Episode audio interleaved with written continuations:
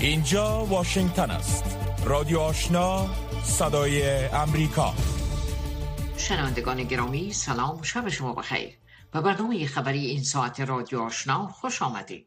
با کشته شدن ایمن الزواهری رهبر شبکه القاعده در نتیجه حمله تیاری بی پیلوت امریکا در کابل ایالات متحده و طالبان یکدیگر را به نقض توافقنامه دوهم متهم می کنند جزئیات بیشتر را در این برنامه خبری می شنوید اما قبل از همه همکار ما رویا زمانی مشروع اخبار را به توجه می رساند.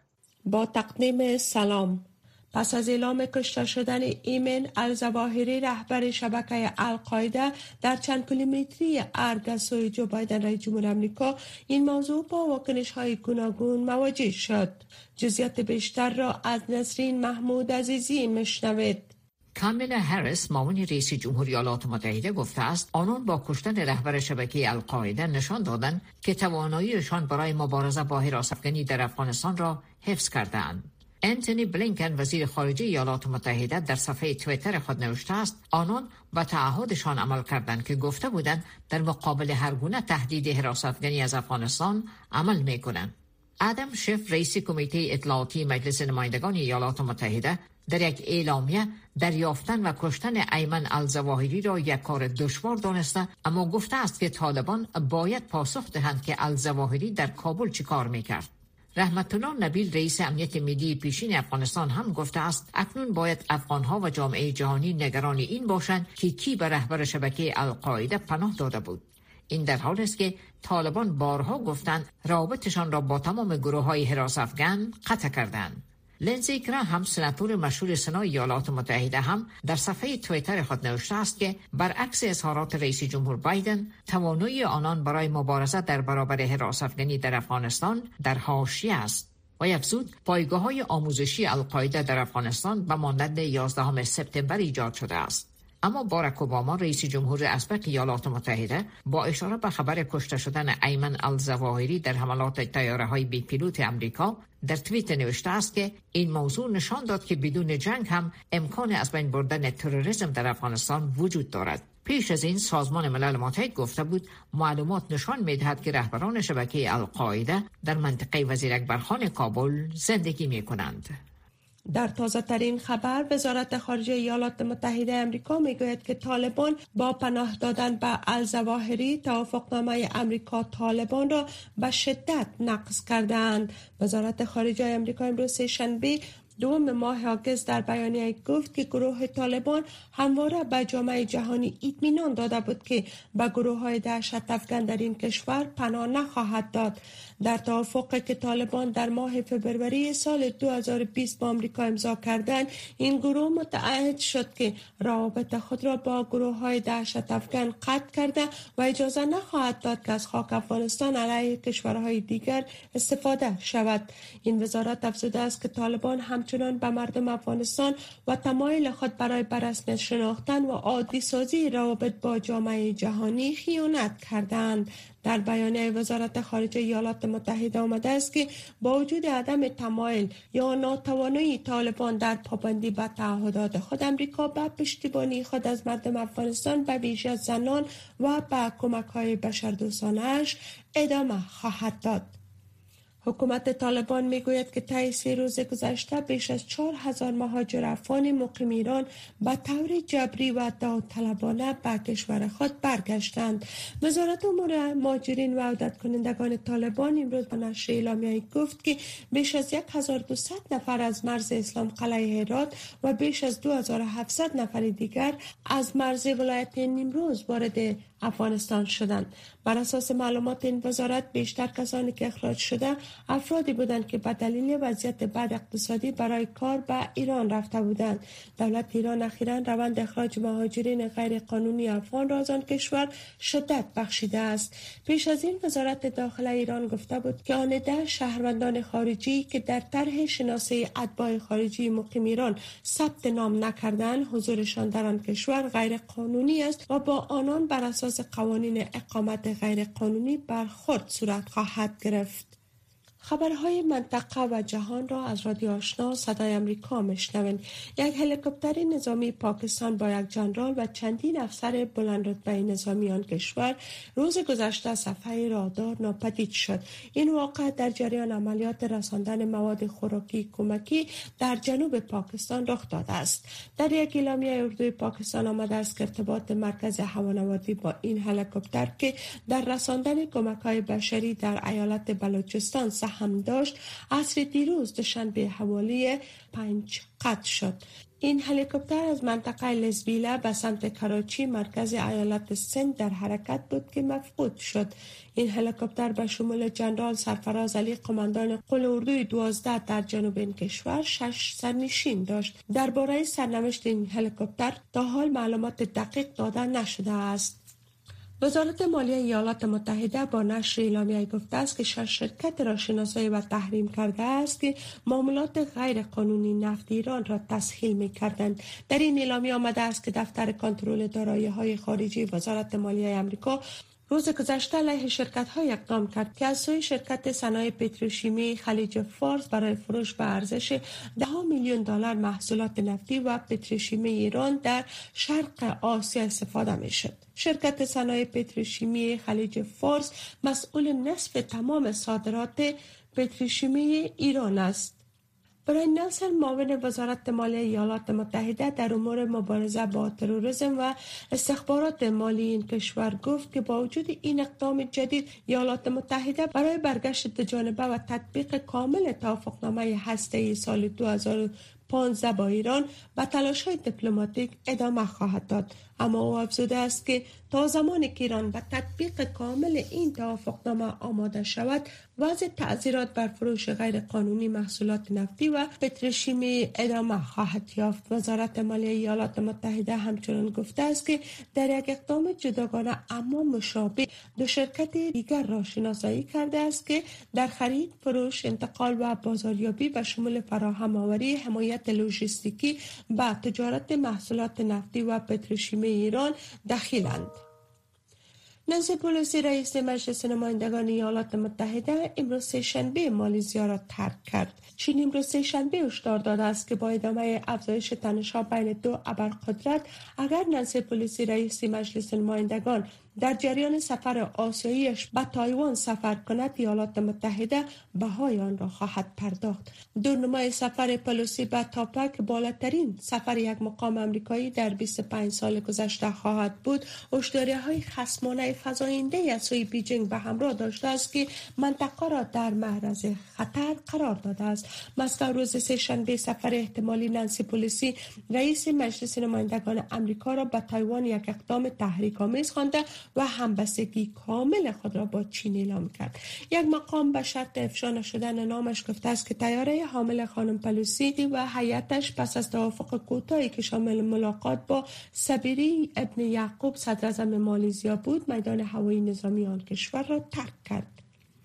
یک مقام ترکیه امروز شنبه خبر داد که قرار است اولین کشتی باربری اوکراینی پس از روبرو شدن با اقلیم خراب در آبهای بحیره اسیا با تاخیر به استانبول ترکیه برسد. این اولین باری است که پس از پنج ماه حمله روسیه بر اوکراین یک کشتی باربری به ترکیه می رسد بر اساس گفته های ازگان التونوبولاک هماهنگ کننده در مرکز مشترکی که برای نظارت بر محموله های غلجات ایجاد شده است انتظار می رود که این کشتی فردا چهارشنبه به استانبول برسد.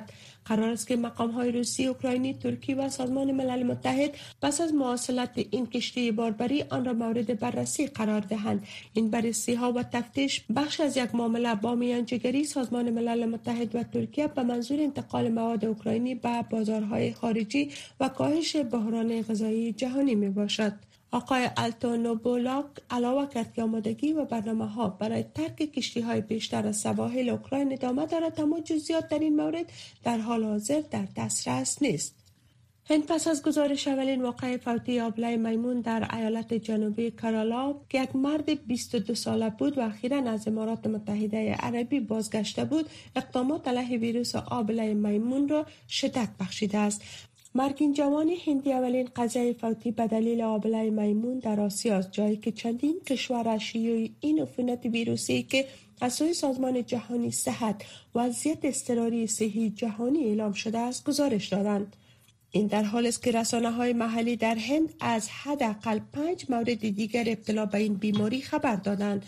تا اکنون 78 کشور شیوع این بیماری گزارش دادند و موارد تایید شده آن به بیش از 18 هزار رسیده است که بیشتر آن در اروپا ثبت شده است. در خبر دیگر والی کالیفرنیا روز دوشنبه وضعیت اضطراری صحی ناشی از آبله میمون را در این ایالت به منظور سرعت بخشیدن تلاش های مبارزه با شیوع این بیماری اعلام کرد. این دومین ایالت در امریکاست که در سه روز گذشته این اقدامات را برای جلوگیری از گسترش این بیماری برداشته است. گوین نیوز روم گفت که این اعلامیه ایالت کالیفرنیا را کمک خواهد کرد تا اقدامات گسترده دولتی را هماهنگ کند واکسین های بیشتری را تولید کند و تلاش های کمکی و آموزشی در مورد جایی که مردم درمان و واکسین را دریافت کنند را رهبری کند.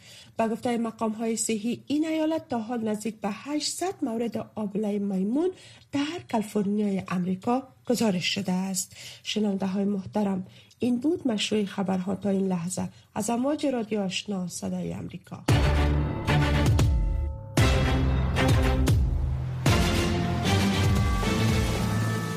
روکو راست.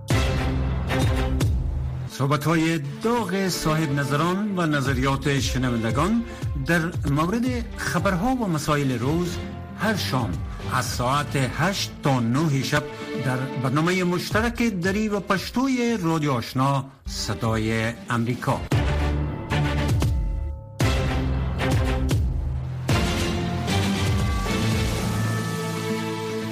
شنوندگان گرامی اخبار افغانستان منطقه و جهان را از رادیو آشنا شنیدید. آن هم توجه نمایید به گزارش هایی که برای شما برگزیدیم همانطوری که در آغاز برنامه اشاره شد با کشته شدن ایمن الزواهری رهبر شبکه القاعده در نتیجه حمله تیاری بی پیلوت امریکا در کابل ایالات متحده و طالبان یکدیگر را بر نقض توافقنامه دو هم متهم می کنند کارشناسان با اشاره به بروز تنش های تازه می‌گویند که احتمال دارد روابط میان دو جانب تا حد ناممکن شود.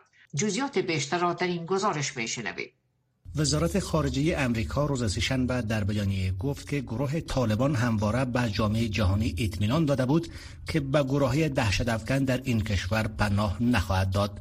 بر اساس بیانیه وزارت خارجه ایالات متحده طالبان با پناه دادن به ایمن الظواهری رهبر شبکه القاعده به مردم افغانستان به تمایل خود برای برسمیت شناختن و عادی روابط با جامعه جهانی خیانت کردند در همین حال آنتونی بلینکن وزیر خارجه ایالات متحده امریکا در توییت گفت که این کشور به تعهد خود برای اقدام علیه تهدیدات تروریستی ناشی از افغانستان عمل کرده است.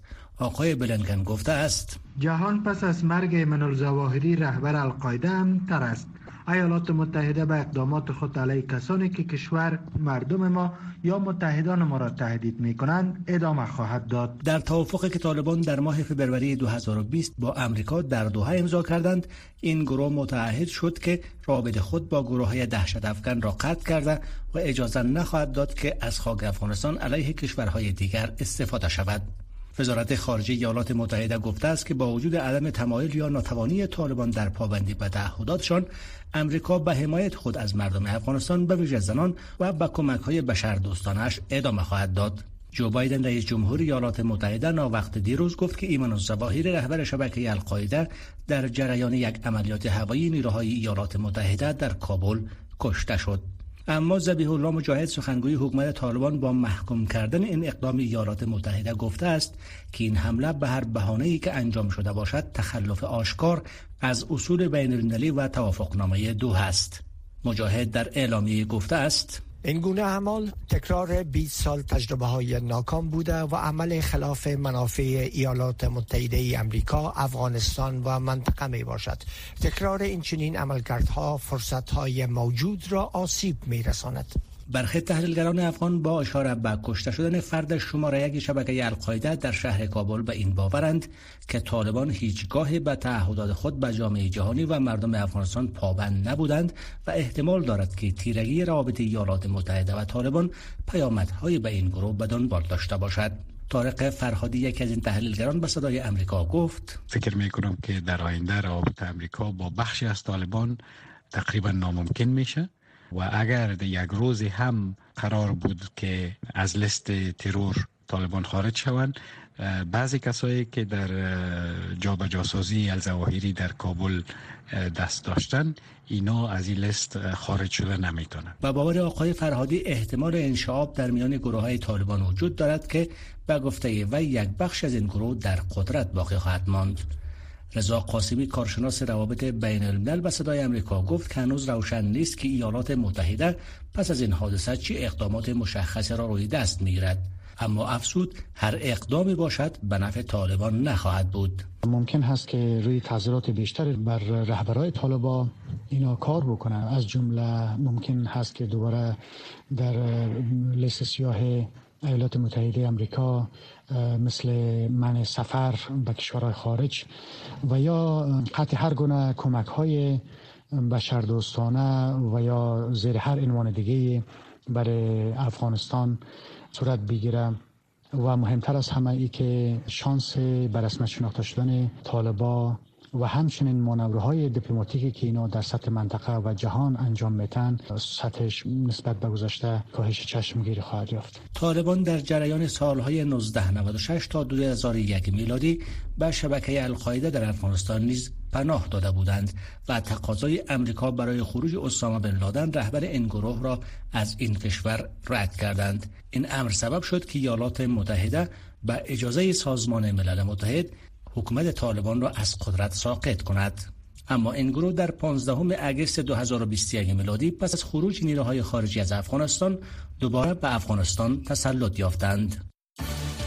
تلویزیون آشنا دریچه شما و سوی جهان. نه تنها در صفحه تلویزیون بلکه در صفحه اختصاصی فیسبوک تلویزیون آشنا. در وبسایت دری با آدرس voanews.com دری.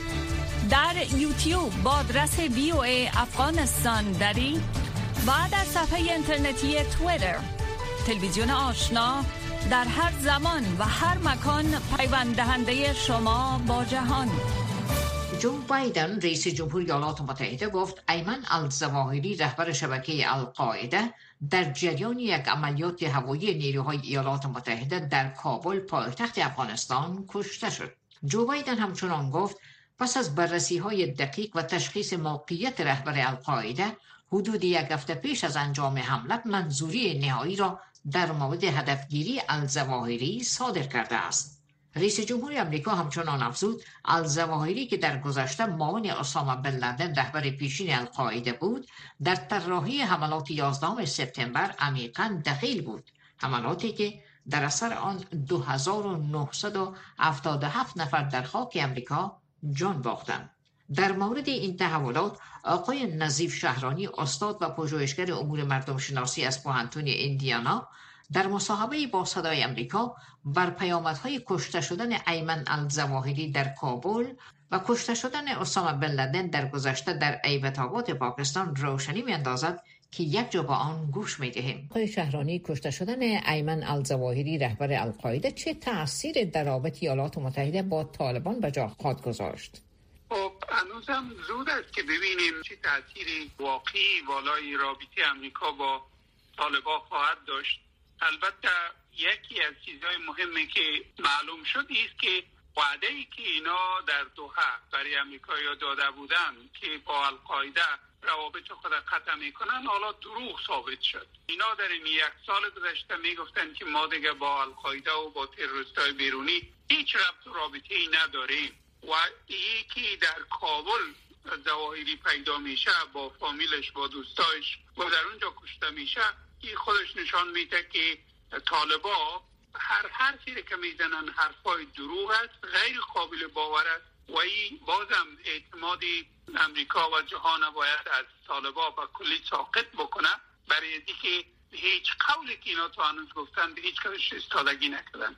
از اون لحاظ امیدوار هستیم که جهان و بالخصوص امریکا درک بکنن. اینا هنوز هم با تروریستا معامله می‌کنن و در چند سال گذشته هم با تروریستا اینا شیشتن مذاکره کردن و نتیجه شمامی هست که دروغ و تزویر چیز دیگه در میدان نیست سوال در اینجاست که آیا حمله ایالات متحده به قلم رو افغانستان نقص توافقنامه دوها شمرده میشه؟ خب در صورتی که نقص در نقص است برای اگر اینا هر دویشان یعنی با هم دیگر وعده داده بودند یکی که با القاعده رابطه نمی داشته باشه و دیگه ای که در حریم افغانستان اینا دیگر پروازی ندارن اما نمیفهم که آیا همچون چیزی را اینا وعده داده بودن یا نداده بودن. برای که یک سلسله چیزهایی در موافقات دوها هست که هیچ وقت افشا نشده. اما وقتی که از اینا در کابل پیدا بکنن دیگه هیچ امکان نداره که اینا بالای از حمله نکنن. و حال معلوم است که تمامی تروریست های جهانی و منطقوی هنوزم در افغانستان هستند و آینده تروریسم در افغانستان دوباره تثبیت شد و یک مشکل کلانی برای منطقه و جهان غرب و جهان به صورت خواهد بود. از اون لحاظ من فکر نمی کنم مسائل حریمی هوایی و یرفا دیگر مطرح شوه یا مطرح باشد. به نظر شما آیا القاعده بعد از کشته شدن رهبرشان تضعیف خواهد شد؟ آیا در صدد حملات انتقام جویانه نخواهد شد؟ ببینید تروریسم یک فاجعه و این فاجعه مربوط یک فرد یا چند فرد نیست. یازده دوازده سال قبل بن لادن کشته شد. چی تاثیری بالای القاعده داشت؟ بسیار زیاد تاثیری چی نداشت. القاعده کلانتر شد. یا شعبات تازه به نام های مختلف پیدا کرد در افریقای شمالی در شرق میانه و در خود افغانستان و پاکستان دوام کرد. دیگه مرگ یک خصوصا پیرمرد. حالا دیگه ممکن است برای جوانایی که اعضای القاعده هستند فرصتی تازه ای را به میان آورده باشه و عموما جوانا یا قشر جوانتر تروریستا زیادتر خطرناک می باشند زیادتر ایدئولوژیک می باشند و احتمالی که القاعده جان بگیره و دوباره پلانگذاری بکنه برای ضد امریکا و منافع امریکا در منطقه احتمالش بیشتر است تا کمتر شده باشه با کشتن الزواهری و یک سوال آخری که بن لادن در پاکستان کشته شد الزواهری در افغانستان. عکس ایالات متحده فکر می‌کنین چگونه خواد بود؟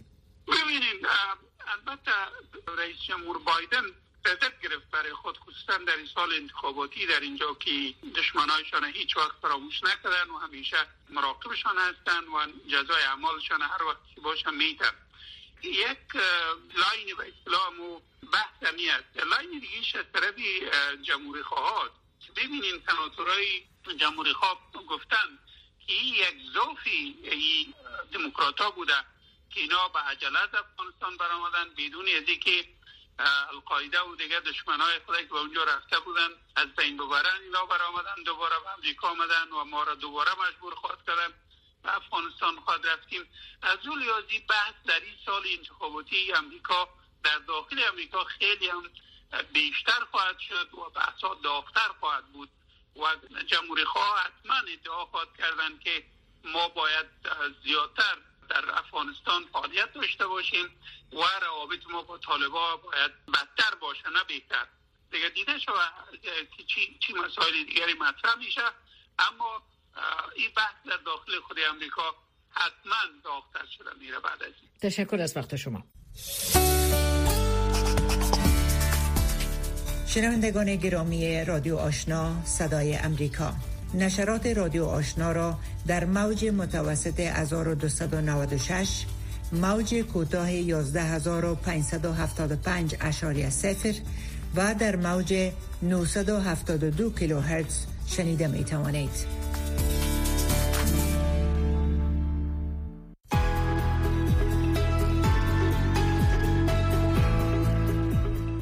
صدای شما صدا و نظریات شما در مورد مسائل سیاسی اقتصادی فرهنگی اجتماعی و صحی از ساعت ده تا دونیم شب در برنامه مشترک دری و پشتوی رادیو آشنا صدای امریکا. جو بایدن رئیس جمهوری ایالات متحده روز دوشنبه گفت ایمن الزواهری رهبر القاعده که تحت تعقیب شدید قرار داشت در اثر یک حمله میزایلی ایالات متحده در آخر هفته کشته شد. انیتا پاول و ایازگل خبرنگاران صدای امریکا در زمینه گزارش تهیه کردند که نجیب خلیل به توجه میرساند. ایمن از زواهری به عنوان رهبر گروه تروریستی القاعده تحت تعقیب شدید در جهان قرار داشت. گروهی که پس از حملات وحشتناک 11 سپتامبر بر ایالات متحده امتیازات را در سراسر جهان کسب کرد. جو بایدن رئیس جمهور ایالات متحده گفت که الزواهری دیگر یک تهدید نیست. او افزود Justice has been delivered and this terrorist leader is no more. اکنون عدالت برقرار شده است. و این رهبر تروریست دیگر وجود ندارد. مردم در سراسر جهان دیگر نیاز به ترس از قاتل شریر و مصمم ندارند. ایالات متحده همچنان به نشان دادن عزم و توانایی خود برای دفاع از مردم امریکا در برابر کسانی که به دنبال آسیب رساندن به ما هستند ادامه می دهد من امشب دوباره به وضاحت می گویم که مهم نیست چقدر طول بکشد. مهم نیست کجا پنهان شوید. اگر تهدید برای مردم ما باشید ایالات متحده شما را پیدا خواهد کرد و شما را از بین خواهد برد. حمله میزایلی صبح یکشنبه امریکا که منجر به کشته شدن از زواهری در کابل شد خشم حکومت طالبان را برانگیخت که کمتر از یک سال پیش پس از خروج نیروهای امریکایی و ناتو از افغانستان کنترل را به دست گرفتند. مقام های ارشد قصر سفید گفتند که این عملیات که توسط یک تیاره بی پیلوت انجام شد بدون موجودیت پرسنل امریکایی در آنجا یک خانه را در کابل هدف قرار داد. مقام های حکومتی همچنین گفتند که با اطمینان زیاد به این نتیجه رسیدند که فقط از زواهری کشته شده است و می‌دانند که اعضای ارشد شبکه حقانی طالبان می‌دانستند که او در افغانستان است. مقام های قصر سفید گفتند که قبل از حمله به طالبان هشدار ندادند. زبیح الله مجاهد سخنگوی گروه طالبان این حمله را محکوم کرد و آن را نقض آشکار اصول بین المللی و توافق دوها خواند توافقی که رهبران طالبان در سال 2020 با رهبران امریکا و کشورهای غربی در قطر درباره خروج نیروهای امریکایی و متحدانش در سال بعد صورت گرفت مجاهد گفت امارت اسلامی افغانستان این حمله را به هر بهانه‌ای که بود به شدت محکوم می کند. اندک پس از حملات 11 سپتامبر ایالات متحده به افغانستان حمله کرد که اسامه بن لادن رهبر القاعده هدف اصلی آن بود.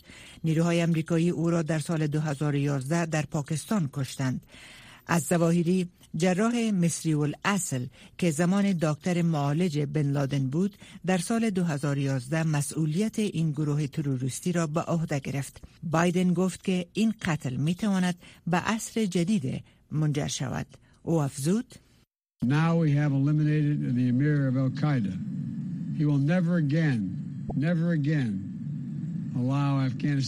اکنون ما امیر القاعده را حذف کرده ایم. او دیگر هرگز دیگر هرگز اجازه نخواهد داد که افغانستان به پناهگاه امن تروریست ها مبدل شود. زیرا او از بین رفت. ما می خواهیم اطمینان حاصل کنیم که هیچ اتفاق دیگری نمی افتد و افغانستان دیگر محل برنامه ریزی حملات علیه ایالات متحده بودن نمی تواند در همین حال در سالهای اخیر القاعده در شرق میانه، غرب و شرق افریقا و همچنان جنوب آسیا به گسترش خود ادامه داده است. روکو راست. صحبت های داغ صاحب نظران در مورد خبرها و مسائل روز هر شام از ساعت 8 تا 9 شب در برنامه مشترک دری و پشتوی رادیو آشنا صدای امریکا بخش زنده این برنامه را در نشرات ماهواره صدای امریکا نیز دنبال کرده می توانید.